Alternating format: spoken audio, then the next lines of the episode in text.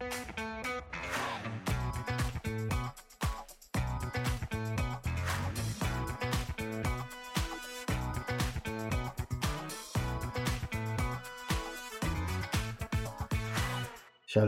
וברוכים הבאים לפודקאסט קומיוניטוק, דיבורי קהילה. הפודקאסט על אנשים וקהילה, שבו בכל פרק נפגוש דמות מעוררת השראה שתספר לנו על עצמה, ולא פחות חשוב מכך על עולם הקהילה. אני דניאל אופק, מנחה לבינוי קהילה בחברה למתנסים, ואיתי ענווה רצון, עובדת סוציאלית קהילתית, מומחית בפיתוח קהילתי וארגוני בסביבה משתנה. והיום אנחנו מארחים בפרק את אהרון אריאל אבי. אז אה, אהרון אריאל אבי הוא ממייסדי גרעין שובה בעוטף עזה, רשת נטיות ומועצת הקבוצות והקהילות המשימתיות בישראל. אהרון אה, מעורב במיזמים חברתיים וחינוכיים שונים בארץ ובחו"ל, וכן במחקרים המחברים בין סוגיות בכלכלה, חברה וסביבה למחשבות היהודיות. הוא מנהל כיום את המיזם מקהל, שנדבר עליו בפרק, להקמת קהילות משימתיות בתפוצות, והוא ייסד אותו ב-2014. במקביל הוא עובד על עבודת הדוקטורט שלו במרכז עזריאלי לימודי ישראל באוניברסיטת בן גוריון, והדוקטורט שלו עוסק בצמיחת השמרנות היהודית במתח בין ישראל ליהדות צפון אמריקה. ואהרון, אנחנו נקפוץ איתך ישר לנושא, ונשמח אה, לשמוע איך בעצם הגעת לעסוק בעולם הקהילה. אה, כן, האמת היא היום אני לא יכול לדמיין את החיים שלי בלי להיות חלק קהילה כלשהי או כמה קהילות אה, בו זמנית, גם, גם בתחום האופניים בסופו של דבר יש קהילת רוכבים ויש קהילת מתחרים ויש אה, יש הרבה מאוד מעגלים. הכניסה הראשונה שלי לעולם הזה הייתה ממש בתיכון, בגיל 16 בערך היינו חבורה של שמונה חבר'ה מאוד מאוד קרובים. הסתובבנו שם, גדלנו בקריית טבעון, הסתובבנו לנו ב, ביישוב, ומי שגדל באזור אולי זוכר שפעם בירידה לכיוון צומת השומרים, שהיום היא כבר נחלף, אבל אז הייתה צומת השומרים, אז בצד ימין שם ביער היה מין מבנה נטוש מתומן כזה, מאוד מאוד מעניין, שפעם פעם היה מסעדה וננטשה, וראינו אותו ואמרנו יופי, בואו בוא ניקח אותו. אה, פשוט פרצנו פנימה, כן, זה לא היה חוקי, אבל אה, זה גם לא כל כך הפריע לאף אחד. באיזשהו שלב העובד הסוציאלי של היישוב בא ורק בדק שאנחנו לא לגמרי אה, נוער מנותק, אבל, אבל בסדר. וקמה שם סוג של קומונה קטנה, ובעצם זו הייתה ההתנסות הראשונה שלי בקהילה אינטנסיבית אפשר לומר, זאת אומרת לא, לא גרנו שם, כן, כאילו חזרנו לבית של ההורים, ו... אבל היינו שם כמעט כל יום, ועשינו שם גם מסיבות בסופי שבוע, והיה לנו סוג של קופה קטנה משותפת, ובעצם משם הצטרפנו כ... כקבוצה לנוער העובד, זאת אומרת הצטרפנו לנוער העובד תוך רעיון, זאת אומרת חלקנו, היו איזה שנה שכבר היו שם, ובעצם משכו את השאר, ובעצם משם זה התחיל, ממש מאיזושהי התנסות אה, ראשונית, אולי ספונטנית, וזה המשיך אה, עד היום, והפך בעצם לתחום, אה, מקצועי. תספר לנו קצת מה זה הקל, אה, למי שלא יודע.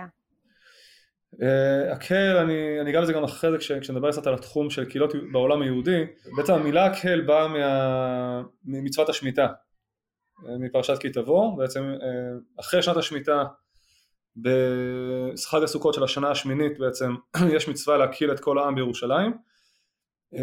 זה משם בא השם, אבל המיזם עצמו הוא בעצם הוא בהשראת תנועת הקהילות המשימתיות בישראל, שאני מניח שמי שמאזין לנו מכיר אותה או שמע עליה, כל מה שנקרא בין גרעינים תורניים, קבוצות מחנכים, קיבוצים עירוניים, תנועות הבוגרים, קהילות בני מקום, כל התחום הזה.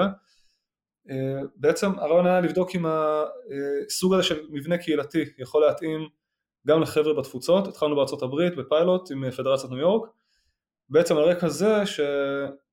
יותר ויותר אנשים בגילאים שלנו, זאת אומרת גילאי 20, 30, 40, הדור שעדיין נקרא הדור הצעיר, כבר לא מתחברים לקהילות הממוסדות, לפדרציות, לבתי הכנסת, זה לא משנה אם זה רפורמי, קונסרבטיבי, זה, זה לא, זה לא, לא עניין של זרם, זה across the board, דרך אגב, גם לא רק בעולם היהודי, בכלל, מסגרות הממוסדות מאבדות uh, losing ground, מה שנקרא, מאבדות אחיזה uh, בשטח, וזאת מגמה שכנראה היא, היא תיבלם באיזשהו שלב, לא, הם לא ייעלמו, אבל היא, היא כרגע לא נראה שהיא הולכת להתהפך, ו... אבל החבר'ה עדיין רוצים קהילה, והם עדיין רוצים יהדות, ופשוט אנשים התחילו ליצור קהילות לעצמם בכל מיני אופנים ספונטניים, אז עשינו איזשהו כנס ב-2013 שהיה סוג של קדימון למיזם עצמו, ואנחנו פשוט מלווים אותם, בעצם עובדים כיום עם 130 אה, קהילות ב-30 ארצות, בכל היבשות, חוץ מאנטארקטיקה, ו...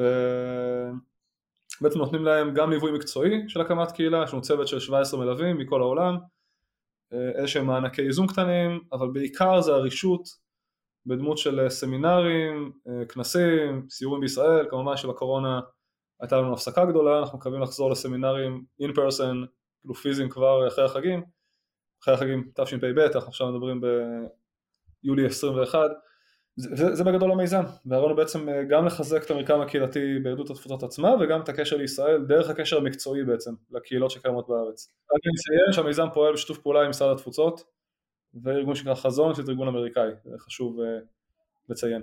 אני בדיוק השבוע סיימתי סוג של, יש איזשהו המשך לתוכנית הזאת, אה, אבל הייתי בתוכנית שנקראת הכרם של בינה ושל התנועה הקיבוצית, שהיא עוסקת כן. בזהות יהודית.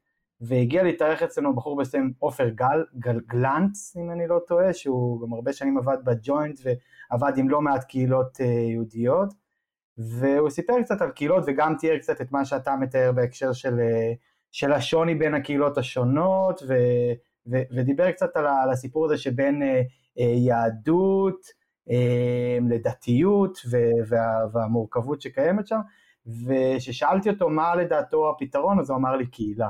אמר לי, אה, היהדות תמיד הייתה מחוברת לקהילה וזה החוזקה שלה. אז אה, זהו, בא לי, בא לי כזה שמפה נתחבר אה, לסיפור הזה של, של הנושא שלנו, שהוא בעצם קהילתיות יהודית, ו, ו, ונשמע אותך קצת סביב הדבר הזה. אוקיי, אז שאני אתחיל. תראו, לדחוף נושא כזה לתוך כמה דקות זה קצת קשה. אני אתחיל מכמה יסודות ונראה איך השיחה תזרום, זאת אומרת זה לא, זה לא הרצאה כי אנחנו רוצים קצת לדבר על הנושא. אני חושב שאת. היסוד לרעיון הקהילה ביהדות אה, אפשר למצוא ב...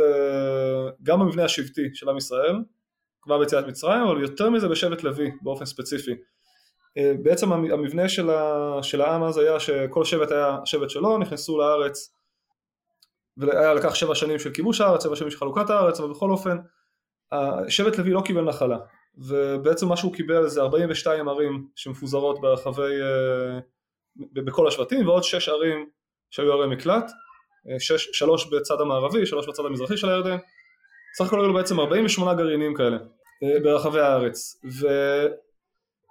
ואחד הדברים המדהימים ש, שרואים לגבי הדבר הזה, אני רוצה ממש לצטט לכם הלכה קטנה מהרמב"ם שהוא כותב עליהם, זה הלכות שמיטה ויובל, פרק י"ג הלכה י"ב שהוא אומר שהסיבה ששבט לוי אה, הובדל בעצם אה, זה כדי אה, לעבוד את השם ולשרתו ולהורות דרכיו הישרים ומשפטיו הצדיקים לרבים.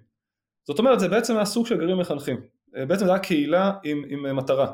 שהמטרה שלה הייתה בעצם להיות סוג של משרד החינוך של אז ולכן הוא התפזר בכל העם. אבל החלק היותר מעניין שהוא אומר, הוא אומר שלא שבט לוי בלבד אלא כל איש ואיש מכל באי העולם אשר נדבה רוחו אותו והבינו מדעו וכולי, כל, זאת אומרת כל מי שרוצה בעצם להצטרף לגל הזה אה, מוזמן ו, והוא יכול כמו שהרמב"ם כותב את זה לפרוק מעל צווארו את עול החשבונות הרבים אשר ביקשו בני האדם בעצם אה, קצת לצאת ממרוץ החיים של לרדוף אחרי הזנב של עצמך ולעסוק בחינוך ורוחניות ואידיאולוגיה ועבודת השם כל אחד יכול לעשות את זה יש מי שמחויב כי הוא משבט לוי אבל כל מי שרוצה יכול להצטרף לדבר הזה. אה, עכשיו כשאנחנו באים לדבר על קונספט אה, בכלל בשיח היהודי אחד הדברים שנוהגים לעשות זה לראות איפה. איפה אותו מושג מופיע בפעם הראשונה? כדי להבין איפה הוא אה, מה, מה השורש שלו. בתורה, בתנ"ך, איפה הוא מופיע הפעם הראשונה. ו... או למשל, תכף דבר שקשור ל... גם לקהילה חשבתם פעם, אה, מה הדו-שיח הראשון שמופיע בתורה, הפעם הראשונה? הוא בעצם הדו-שיח עם הנחש, זאת אומרת הוא לא דו-שיח בין אדם, זה הדו-שיח הראשון שמופיע. והוא איזשהו אב טיפוס להרבה מאוד דיאלוגים שיופיעו בהמשך. אז באותו מובן, המילה קהילה עצמה לא מופיעה בתורה במבנה הזה, אבל השורש קל"ד מופיע, ובעצם מופיע מצוות ההקל שעליו דיברנו. ופה יש עוד, עוד תופעה מעניינת, ש... אני אשתמש באיזשהו תרגיל לשוני פשוט כי הוא, כי הוא עוזר אני חושב להביע רעיון מורכב בזמן מאוד קצר אה, יש בה, אנחנו יודעים שהשפה העברית בנויה על שורשים, בנויה על שורשים של שלוש אותיות ויש מילים, יש שורשים קדומים יותר של שתי אותיות. אבל מעבר לזה אה, הרבה מהשורשים אם משנים את סדר האותיות יוצאת מילה שהיא אה, עם משמעות דומה. עכשיו זה לא גימטריה זה לא מיסטיקה. זה פשוט חלק מהמבנה של השפה ככה היא התפתחה. למשל המילה מצוק והמילה קצה או המילה הצקה, זאת אומרת יש איזשהו קשר רעיוני בין הדברים האלה של איזושהי תחושת חק או תחושת אה, אה, מלכוד כזאת. אז באותו מובן המילה קהל והמילה אה, להקה בעצם הן קשורות ואני אומר את זה כדי לנסות אה, אה, לקפסל רעיון מרכזי שאני חושב שהוא מלווה את רעיון הקהילה משבט לוי ועד התנועה הקיבוצית ועד הקהילות המשימתיות שיש בימינו והוא שקהילה במסורת היהודית היא לא רק קבוצת אנשים שכיף להם ביחד זאת אומרת זה לא רק השבט, זה לא רק החברותה אלא קהילה יש לה מטרה, יש לה איזשהו ייעוד, יש לה איזשהו רעיון שסביבו היא, היא מתגבשת, כמו להקה. זאת אומרת קהל יכול להיות משהו קצת יותר סתמי אבל להקה היא, היא זזה לאיזשהו מקום, היא עושה משהו, היא התגבשה לשם רעיון מסוים. במונחים של בינוי קהילה מקצועי, שככה ששרה לשדמי מדברת עליהם הרבה, זה בעצם אולי השילוב בין קהילה ראשונית לקהילה משנית, או קבוצה ראשונית לקבוצה משנית, זאת אומרת אנחנו באים גם בשביל היחסים החברתיים וגם בשביל הרעיון שהקבוצה מקיימת. אה, אני עושה רגע, כאילו, אתם רוצים לשאול שאלה שאנחנו פשוט נמשיך לדבר, זה, זה עניין של... אה, האמת שאני רוצה להגיד משהו. כן, כן, אז תגיד. אה, שפתאום נתת לי את הסיפור הזה, הרבה פעמים אנחנו אומרים מקהל לקהילה או כל דבר כזה, וזה פתאום עשה לי את החיבור הזה. וזה גם קצת העלה לי מחשבות, האם שיש קהל גדול זה משהו שיכול להיות קהילה, אני הרבה גם מדבר על המספרים וכמה זה כתוב, ודווקא אם, אם אנחנו נכנסים לשר לסדמי ולחברות משימה או, או, או לקהילות משימתיות שאתה עובד איתן, זה דווקא מספרים יותר קטנים, אז, אז זאת אומרת, אה, גם, גם בתנ"ך זה הופיע בתור אה, קבוצות קטנות יותר, או שזה היה שבט גדול כזה? אמ, אני אקפוץ רגע לתשובה המדעית קודם כל, ואז אני אחזור, כי זו שאלה מאוד מאוד טובה. דניאל עבד לך. אמרו לך בפודקאסט שיש לך שאלה טובה. אני חייבת להגיד את זה. בוא, בוא, בוא, בוא ננציח את הרגע הזה רגע. עבר. עבר. כן. ואני לא מושתל, אני ספונטני לחלוטין. אוקיי, אז, אז אה, זאת באמת שאלה מאוד טובה. ואני אני, אני אנסה לתקוף אותה רגע מהכיוון המדעי קודם כל, ואחרי זה נחזור רגע להיסטוריה היהודית.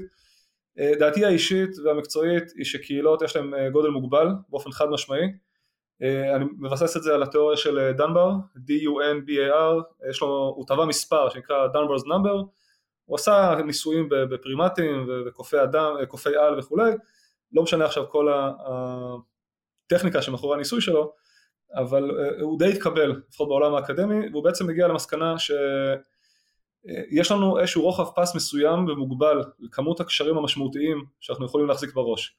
זאת אומרת, זה שיש לי 5,000 חברים בפייסבוק לא אומר שיש לי 5,000 חברים בראש או בנפש או בלב. המספר בגדול הוא סביב ה-150 עד 200 אולי, זאת אומרת אנשים שהם בעלי אינטליגנציה רגשית יותר מפותחת זה לכיוון ה-200, אנשים שקצת פחות זה יכול לרדת לכיוון ה-100, אבל זה בגדול המספר. עכשיו תיקח מהמספר הזה, תוריד כמה עשרות קשרים על המשפחה והמשפחה המורחבת שלך, ועוד כמה עשרות קשרים על העבודה ועוד כל מיני אנשים, חברים מאהבה וכולי, אה, כמות ה... בוא נגיד המקומות הפנויים שישארו לך לקהילה אה, תהיה בין 50 ל-70 ברוב ה... זה עכשיו באופן ממוצע, לא, לא עכשיו קובע מסמרות אבל אה, בגלל זה, זה לדעתי גודל, גודל אופטימלי של קהילה, זה גם איפה שבמיזם מקל זה גודל הקהילה שאנחנו מכוונים אליה, אנחנו לא מכוונים לכמה שיותר שזה דרך אגב עושה לנו בעיה עם תורמים, כי תורמים הרבה פעמים רוצים לראות כמה שיותר מספרים וכמה שיותר רשימות, אנחנו אומרים להם לא, זה לא, זה לא בריא, זה כבר לא קהילה, זה, זה... מעל מספר מסוים זה מייצר יותר בדידות מאשר להיות לבד, כי אתה נהיה בקבוצה של אלף או אלפיים אה, אנשים, אתה מרגיש יותר בודד ויותר מנוכר מאשר שאתה סתם לבד ברחוב, אה, כי אתה לא מצליח ליצור באמת קשרים משמעותיים עם כל ההמון אדם הזה. אז אם אני חוזר לסיפור ההיסטורי, הקהילות ההיסטוריות היו יותר, יותר גדולות, אה, מהסיבה הפשוטה שהן היו מבוססות על משפחות.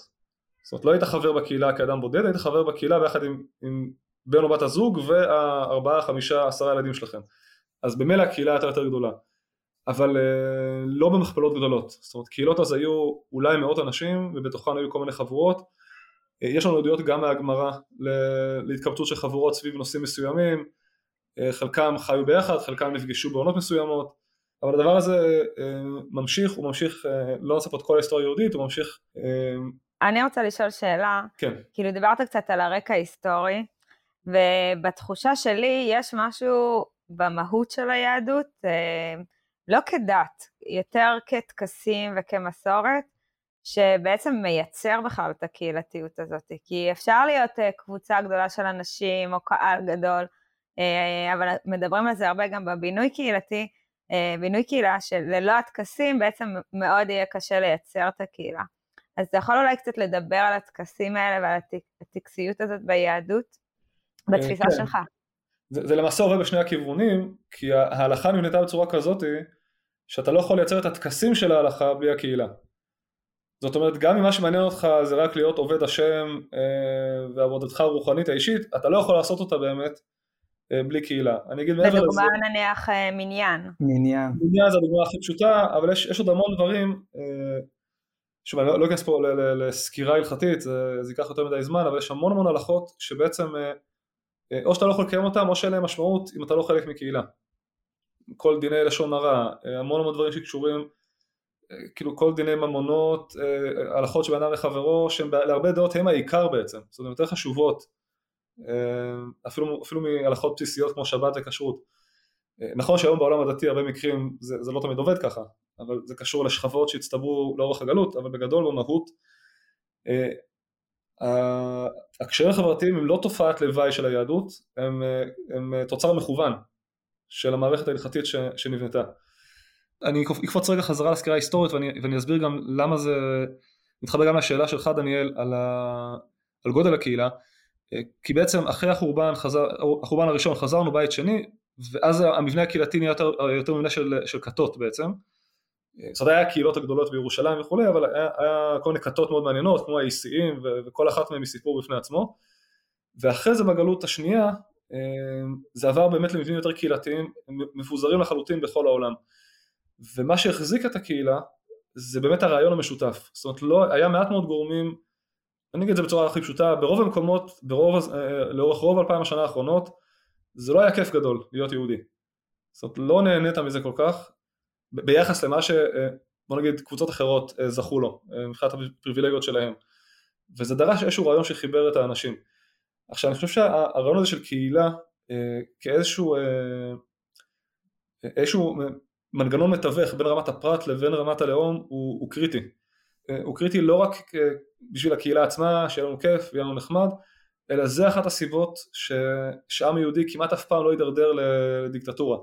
ולא יידרדר למקומות אה, כאלה ואני אסביר למה, זה לא סתם, זה לא גנטיקה, זה לא שיש לנו איזה, זה לא, זה לא, לא גזעי, זה עניין של, של מבנה חברתי והמבנה החברתי אה, הוא, הוא בעצם כזה שאם אתה, יש לך רק פרט והרמה הבאה שיש היא מיד לאום אז מה שקורה זה שככל שקבוצת ההתייחסות יותר גדולה מבחינה מספרית אז המכנה המשותף אה, יהיה יותר ויותר נמוך. זה, זה משוואה די פשוטה, זאת אומרת, אין, אין דרך כל כך לעקוף את זה. וכשלאנשים אין את הממד הקהילתי אז ממילא הנטייה היא לסוג של שטחיות לאומנית או, או לאיזשהו פופוליזם. ורואים את זה גם בדורנו.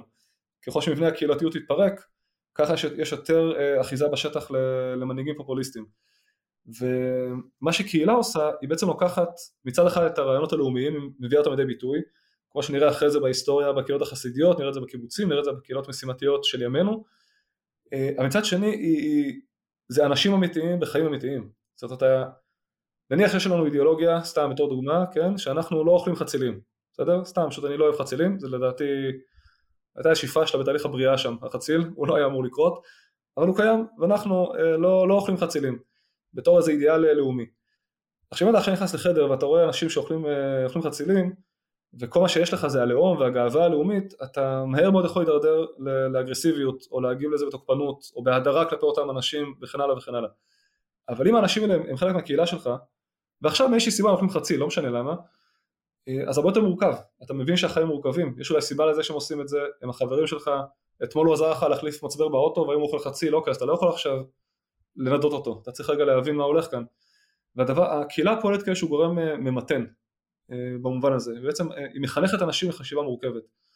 וזה מה שרואים אותו אחר כך, גם בקהילות בגלות, לאורך אלפיים שנה ועד התחייה של הקהילות שזה כבר בתקופה החסידית שתכף נגיע אליה. אני ממש התחברתי למה שאמרת מהמקום של ההכלה כי כמה שיש יותר קשרים אז יש באמת יותר הכלה להתנהגויות שאתה לאו דווקא תסכים איתם או יותר קבלה והכלה uh, ואפשר לראות את זה שהרבה דברים שתקבל uh, uh, במשפחה שלך לדוגמה שצועקים עליך, או שמתנהגים עליך בצורה כזאת או אחרת, או שאוכלים חציל, אה, יהיה לך יותר קל להכיל את זה ולקבל את זה, מאשר אם תראה את הדבר, אם יעשו לך אותו הדבר אה, אנשים. בקהילה שלך, ואז אנשים ברחוב שלך, ואז אנשים מחו"ל. ודניאל כתב לי שהוא עף פה, אז נראה לי הוא גם רוצה להגיד את זה. למה את מגלה?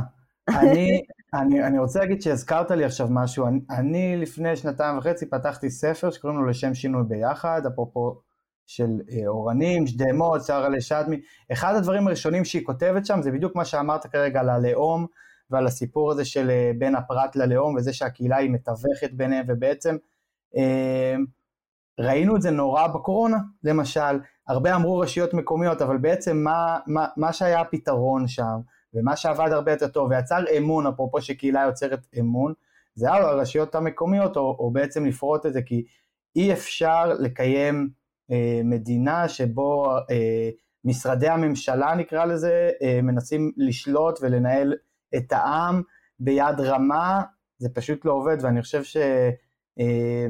שאנחנו אה, הרבה יותר אה, סומכים ומאמינים על המנהיגות המקומית, הקהילתית נקרא לזה ככה, ובטח ובטח כמו שענווה אמרה, אז כאילו לי זה, זה עשה המון שכל. אני רוצה להגיד לך משהו שאני מספר על זה הרבה בפודקאסט, אחד הדברים שאני עושה בחברה למתנסים זה את מדד הקהילתיות, גם דיברנו עליו לא מעט פה, ובעצם אחד הדברים שאנחנו בודקים זה גם, אנחנו עושים כל מיני סוגי השוואות, ואחד הדברים שאנחנו עושים, אנחנו בודקים השוואות בין דתיים לחלוניים למסורתיים, ואנחנו ממש רואים שהקהילתיות של דתיים גבוהה יותר. אגב, של דתיים גבוהה יותר אפילו משל חרדים פעמים רבות ובערים מסוימות. הרבה מהמקום הקהילתי הם גם מחפשים יותר קהילתיות וגם מוצאים אותה כנראה ו- וזה קיים, משהו בזה קיים וזה גם הנה היום מוכח ב- ברמת הנתונים. לי תמיד עולה הדבר, הבית כנסת כאילו, כ- כבית הקהילה, בקיבוץ, אה, החדר אוכל הוא נקרא בית, אה, לפעמים בית התרבות או בית הקהילה או כל דבר כזה, ו- ובית כנסת זה מין, לא יודע, מרכז קהילתי של פעם.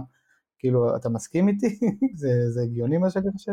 במובן מסוים, אני רוצה רגע לחזור לנקודה, שנייה אחת לנקודה אחרת שאמרת לגבי הממשלה, אה, זה לא שאי אפשר לעשות את זה, כי עובדה שניסו לעשות את זה, לא פעם ולא פעמיים, בעצם ליצור חברה מהונדסת וכלכלה ריכוזית וכן הלאה וכן הלאה על ידי הממשלה, אה, זה עובד, זה יכול לעבוד כמה עשרות שנים, התוצאות הלוואי של זה הן נוראיות, זה, זה העניין, זה יכול לעבוד, פשוט מה שזה עושה לבני אדם ולחירות האנושית אה, הוא נורא, ואני חושב שזה זה, זה קשור לדיון אחר, שאני אשמח לעשות איתכם בפעם אחרת, על בכלל גישות כלכליות אל מול גישות קהילתיות, כי משום מה הרבה מהגישות הקהילתיות בעולם הולכות ביחד עם אה, מדינת רווחה מאוד רחבה ואני חושב שזה אמור לעבוד הפוך, דווקא צריך לשחרר את השוק ואת המשק כדי לאפשר קהילתיות יותר אה, רחבה ומעמיקה, אז זה באמת אה, אה, דיון אחר. לגבי בתי הכנסת, תראה בתי הכנסת זה, זה נכון מצד אחד, צריך לזכור מצד שני, וזה כבר קשור למהפכה ממש של הדור האחרון, שבתי הכנסת הם מוסדות מאוד גבריים, צריך להגיד את זה.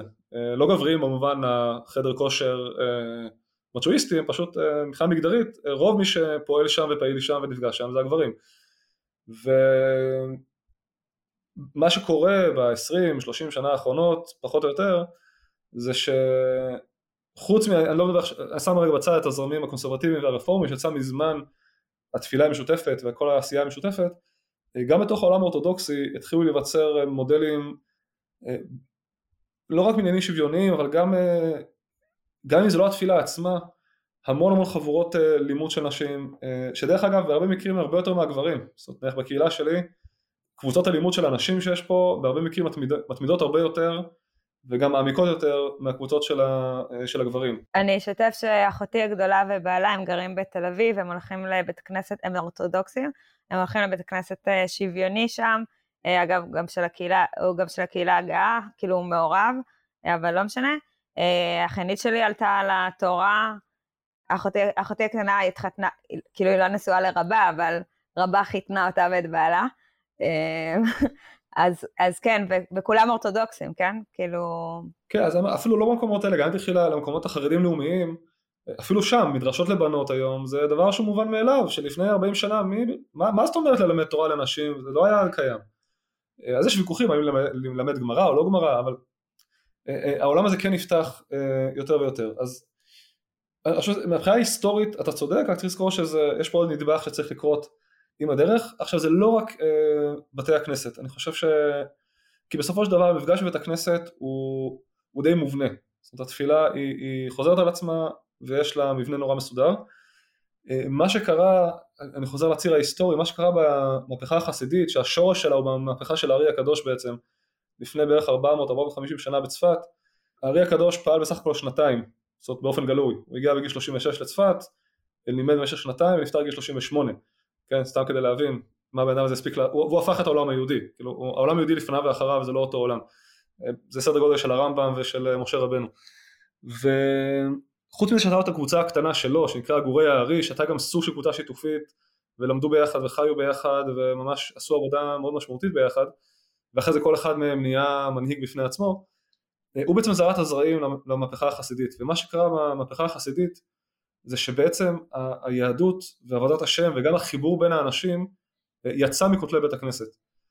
ונוצרו אה, מוסדות נוספים כמו ההתוועדות החסידית שהיא נורא רווחת בחב"ד אבל לא רק, שזה מפגש שהוא מפגש חברתי. סביב תוכן וסביב אוכל ווודקה כמובן אבל, אבל הוא, לא, הוא לא מובנה כמו תפילה.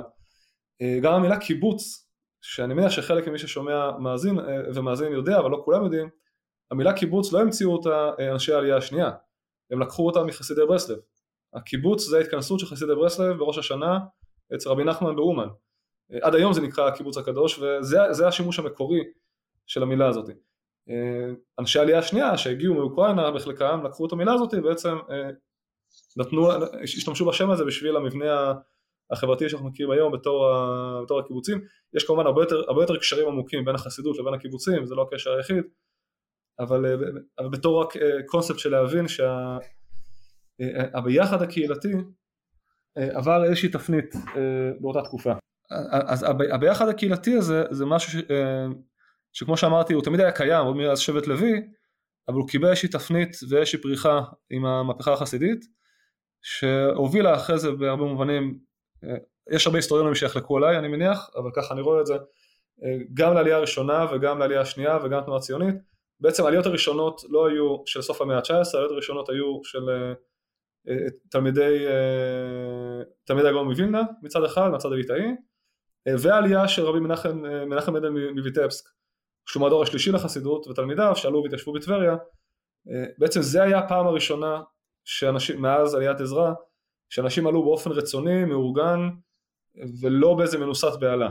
זאת אומרת לא היה להם כיף באוקראינה כל כך, אבל הם לא עלו בגלל פוגרום, אה, או בגלל גירוש ספרד, גם אז הייתה עלייה והייתה בגלל הגירוש. אז אהרון, זה סופר אה, מרתק האמת, ובא לי לעשות איתך כמה פרקים, אה, כל פעם לעסוק בשלב הבא, מה שנקרא.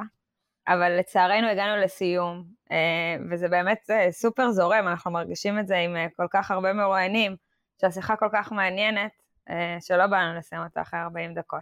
אבל אנחנו כן נשאל אותך את שאלת הסיום שלנו, okay. אוקיי. אה, של איך אתה רואה את הקהילה עוד עשר שנים? איך אתה תופס את עולם הקהילה? איך אני תופס את עולם הקהילות? תראו, אה, לפני ש... שהקורונה הוכרזה כמגפה, הבדידות הוכרזה כמגפה, באופן יחסית רשמי. לא יודע אם דיברו על זה כמה תוכנית לפני, שמעתי, לא שמעתי את כל הפרקים, אה, יש מחקר מפורסם של הרווארד שפורסם בנושא, יש משרד לנושא בדידות שהוקם ב-2018 בבריטניה, כל זאת לפני הקורונה. הקורונה רק החריפה את זה אה, עוד יותר. עכשיו יש כל מיני תרופות למחלות, אפשר אה, לתת חומרים פסיכיאטריים ואפשר לעשות תוכניות ממשלתיות ואפשר לעשות כל מיני פתרונות כאלה. הפתרון הטבעי לבדידות הוא קהילה. ואני חושב שה...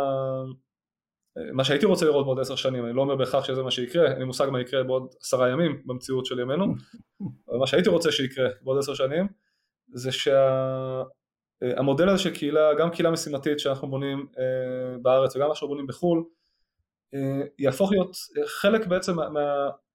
מארגז הכלים שכל אדם צעיר רואה לעצמו כשהוא בא להחליט מה הוא עושה עם החיים שלו. עכשיו בארץ זה מתחיל להתקרב לשם, זאת אומרת כל, באזורים מסוימים באוכלוסייה כל מי שמסיים אה, אה, צבא, מכינה, שנת שירות, הוא יודע שזאת אופציה, לא אומר שכולם ילכו לקהילות מהסוג הזה, אבל הוא יודע שזאת, שזאת אופציה. ו, והקהילות האלה קמות כבר מעצמן. אה, ולא לא כל מי שמקים היום קהילה משימתית יודע בכלל שזה התחיל ב-1984 עם קיבוץ מגוון בשדרות, ואחרי זה קיבוץ תמוז בבית שמש, ואחרי זה המהפכה בנוער העובד, המעבר מקיבוצים לקיבוצים עירוניים. בן אדם בן 20 שמקים היום קהילה עירונית בבאר שבע, הוא לא יודע את הסיפור הזה, אבל הוא חלק מהסיפור הזה. והייתי רוצה שזה יקרה בכל העולם היהודי בעוד עשר שנים, שבעוד עשר שנים אנשים יקומו קהילות כאלה באופן שיראה להם טבעי, שיראה להם כאילו מובן מאליו, הם לא צריכים לדעת uh, שזה התחיל באיזשהו כנס 2013 ואחרי זה 2014 ואחרי זה היה מיזם קהילות החיות עם קהילות מישראל, זה, זה יהיה היסטוריה, זה יהיה באיזשהו פודקאסט או באיזשהו ספר, uh, אבל ההצלחה האמיתית תהיה שזה יהיה uh, מגיפה הפוכה, שזה יהיה מדבק בפני עצמו וישכפל את עצמו כאיזשהו אנטיתזה לבדידות שכרגע משכפלת את עצמה, זה מה שהייתי רוצה לראות, לשם אנחנו מכוונים ואם נצליח או לא, אז בואו נדבר עוד עשר שנים בפרק ה-180 ומשהו, ונראה... 1800 ומשהו. 1800 ומשהו. יפה. אני מאוד מאוד מאוד מאוד מקבל את הסיפור הזה של אה, שהפתרון לבדידות זה קהילה, אני מרגיש שזה גם. טוב, תראה, הגענו לסיום. אני לפחות אה, קיבלתי פה המון בתור אה, קיבוצניק, שמוצניק, אה, ש... קצת חוקר את הנושא, אז, אז המון תודה. ואני אגיד למאזינים שלנו שהגענו לסוף, אה, לסיום יותר נכון, עוד שבוע יעלה פרק נוסף, מוזמנים להפיץ את הפודקאסט ובעיקר לכתוב לנו מה שבא לכם, אנחנו נשמח לשמוע מכם, את מי תרצו שנראיין. בקיצור, תרגישו חופשי להציק לנו, אתם כבר מצקים, מכירים את הקונספט. יש לנו גם ערוץ שנקרא דיבורי קהילה, נצרף לכם אותו כמובן בתיאור הפרק. אה, את הקישור אליו וגם ערוץ יוטיוב שהוא כבר לא חדש של דיבורי קהילה אז אתם מוזמנים גם אה, להיכנס אליו אה, ולהאזין לפודקאסטים הסבירים שלנו שעולים לשם. אז אהרון תודה רבה. תודה לכם. גם לך.